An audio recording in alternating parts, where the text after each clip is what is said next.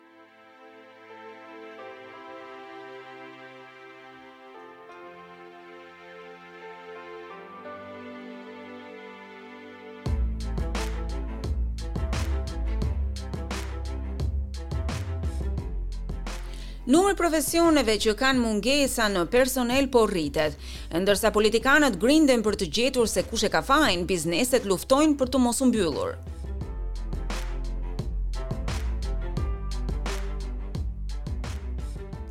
Në një sallon parukerie në juglindje të Melbourneit, mungesat e stafit po dëmtojnë biznesin si dhe shpirtin e menaxheres Paula Ford. Well, we're constantly having to turn away regular clients that have been coming here for 20 plus years. And um, we just can't fulfill our clients needs. Na duhet që vazhdimisht t'i kthejmë mbrapsht klientët e rregullt që kanë ardhur këtu për më shumë se 20 vite. Thjesht nuk jemi në gjendje t'u plotësojmë nevojat dhe na vjen keq sepse janë klientë të vjetër. Salloni ka një vit që përpiqet të gjejë një parukier dhe nuk ka patur sukses. We're looking for someone either part time, full time, it's gotten to desperate stakes where we're just happy to take on. Kërkojmë dikë me kohë të plotë, me kohë të pjesshme, jemi gati të punësojmë edhe dikë që ka dëshirë dhe pak eksperiencë. Kaq të dëshpëruar jemi, thotë ajo.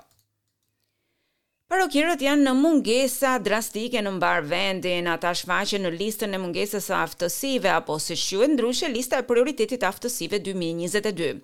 Në këtë listë janë futur dyqind e tetëdhjetë e gjashtë profesione që kanë mungesa të mëdha në personel, nga njëqind e pesëdhjetë e tre të një viti më parë.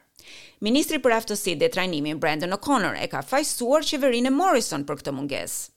a shortage that has been made worse by failure to plan, failure to supply the skills needed by way of training. Një mungesë e cila është përkeqësuar nga mungesa e planit, nga mungesa e sigurisë së aftësive të nevojshme nëpërmjet një trajnimi, arsimimi, apo emigrimi të kualifikuar. Këto janë të gjitha dështime të qeverisë së mëparshme, të cilat tani po japin rezultatet e tyre. Zëdhënësja e opozitës për industrinë, aftësinë dhe trajnimin, Sussan Ley, thotë se duhet të ishte bërë më shumë përparim nëse qeveria do ta kishte pranuar propozimin e saj për të lejuar që pensionistët dhe veteranët të kthehen pa patur shkurtime në përfitimet e tyre sociale. If they had done that, we could have started to see older Australians Nëse do ta kishin bërë këtë, atëherë do të kishim filluar që të shikonim australianë të moshuar që t'i kthehen përsëri forcës punëtore. Sektorët në krizë në Australi janë shëndetësia, arsimi dhe tregtia. Sipas një studimi të ri nga RMIT Online, mungesa e talenteve po bën që disa kompani të promovojnë ose të kompensojnë më shumë sesa duhet punëtorët e rinj. Pothuajse gjysma e menaxherëve australianë të anketuar mendojnë se duhet të paguajnë më shumë për të ofruar punësime të reja, për shkak të konkurrencës në treg, si dhe pritshmërive më të larta nga kandidatët. Rreth dyzet për qind mendonin se të punësuarve u mungojnë aftësitë ose përvoja për të qenë në rolet e tyre të reja.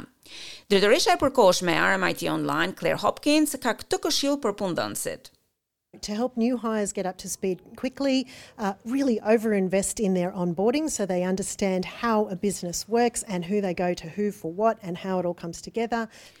Për të ndihmuar të punësuarit e rinj që të zhvillohen sa më shpejt, duhet të investonin në trajnimin e tyre. Ata duhet ta kuptojnë se si funksionon biznesi, kujt i drejtohen dhe çfarë duhet të bëjnë. Duhet të marrin investimin e duhur në trajnim dhe shpejt. Në mënyrë të tillë, punëdhënësit do t'i japin atyre ato aftësi të reja dhe duhet t'i sjellin në nivelin që kërkohet.